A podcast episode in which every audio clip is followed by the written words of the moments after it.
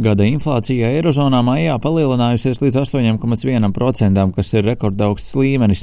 Daudzās Eiropas valstīs maijā inflācija sasniegusi vairāk nekā 20 gados augstāko līmeni, bet, piemēram, Austrijā maijā inflācijai bija 46 gados augstākais līmenis. Bankām nākas paaugstināt procentu likmes, un arī Eiropas centrālā banka, lai gan rīkojusies lēnāk nekā citas bankas, pieliek punktu savai masveida obligāciju pirkšanas schēmai un nākamajā mēnesī pirmo reizi desmit gadu laikā beidzot paaugstinās likmes. Recesijas riski Eiropā ir daudz augstāki nekā ASV, tā norāda Francijas starptautiskās apdrošināšanas grupas AXA vadītājs Tomas Būberls. Ja skatāmies uz pasaules attīstītākajām ekonomikām, ir skaidrs, ka Eiropa visticamāk ir vissarežģītākajā pozīcijā, jo ir liela atkarība no eksporta, no Krievijas enerģijas. Ņemot vērā, ka sabiedrības ir fragmentētas un sociālās saistības maksā lielu naudu, ar tālāk relatīvi ierobežotiem budžetiem Eiropai visdrīzāk būs izaicinājums tikt galā ar šo krīzi. Sarunā ar telekanālu CNBC viņš sacīja, ka galvenās bažas ir saistāmas ar Eiropas lielajām valstīm. About, uh, esmu noraizējies par Vāciju, esmu noraizējies par Franciju, Itāliju un noraizējies par Spāniju. Mazākās valstis ir atradušas veidu, kā pielāgoties, kā būt lokanākām, bet lielajām valstīm ir jātiek galā ar daudz ko, kā atrisināt enerģijas autonomiju, kā saturēt sociālo sfēru, zinot, ka fiskālie mēri ir ļoti ierobežoti un kā panākt, lai atgrieztos pie izaugsmes. Jo īpaši turpina augt enerģijas cenas, un Eiropa ir vairāk pakļauta enerģijas cenu svārstībām nekā ASV. Īpaši atkarīga no Krievijas gāzes ir Vācija. Eiropas lielākā ekonomika pirmajā ceturksnī pieauga par 0,2%, taču otrajā ceturksnī gaidāma spēcīgāka kara Ukrainā ietekme uz Vācijas ekonomiku, radot nelielu iekšzemes koprodukta samazinājumu. Arī Vācijā gada inflācijai maijā rekordaugsts līmenis, tai pieaugot līdz 7,9%. Lai gan Vācija, tāpat kā daudzas citas valstis, īsteno dažādus atbalsta pasākumus, tā nav nekāda burvju nūjiņa, kas problēmām liks izgaist. To norāda arī Vācijas kanclers Olafs Šolts. Bet es teikšu diezgan atklāti, protams, tas neatrisina cenu pieauguma problēmu, jo cenu pieaugumam ir vesela virkne iemeslu. Pirmkārt un galvenokārt, karš, ko izraisīja Krievija. Tas veicina enerģijas un preču cenas. Pandēmija bieži vien joprojām ir iemesls izjauktām globālām piegādes ķēdēm. Un, protams, miljārdu eiro vērtās ekonomikas stimulēšanas paketes, kuras mēs neesam vienīgi uzsākuši, ir izraisījušas lielāku pieprasījumu, piemēram, pēc izaivielām.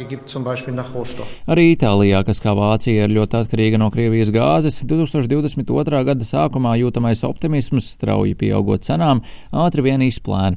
Itālija, kurā gada inflācijas kāpums maijā bija viens no zemākajiem Eiropas Savienībā, atrodas uz fiskālās konsolidācijas ceļa. Šim gadam tiek prognozēts budžeta deficīts 5,6% apmērā, kas ir mazāks nekā pagājušajā gadā reģistrētais 7,2%. Taču ekonomisti brīdina, ka strauja izaugsmes palēnināšanās radīs bažas par deficītu.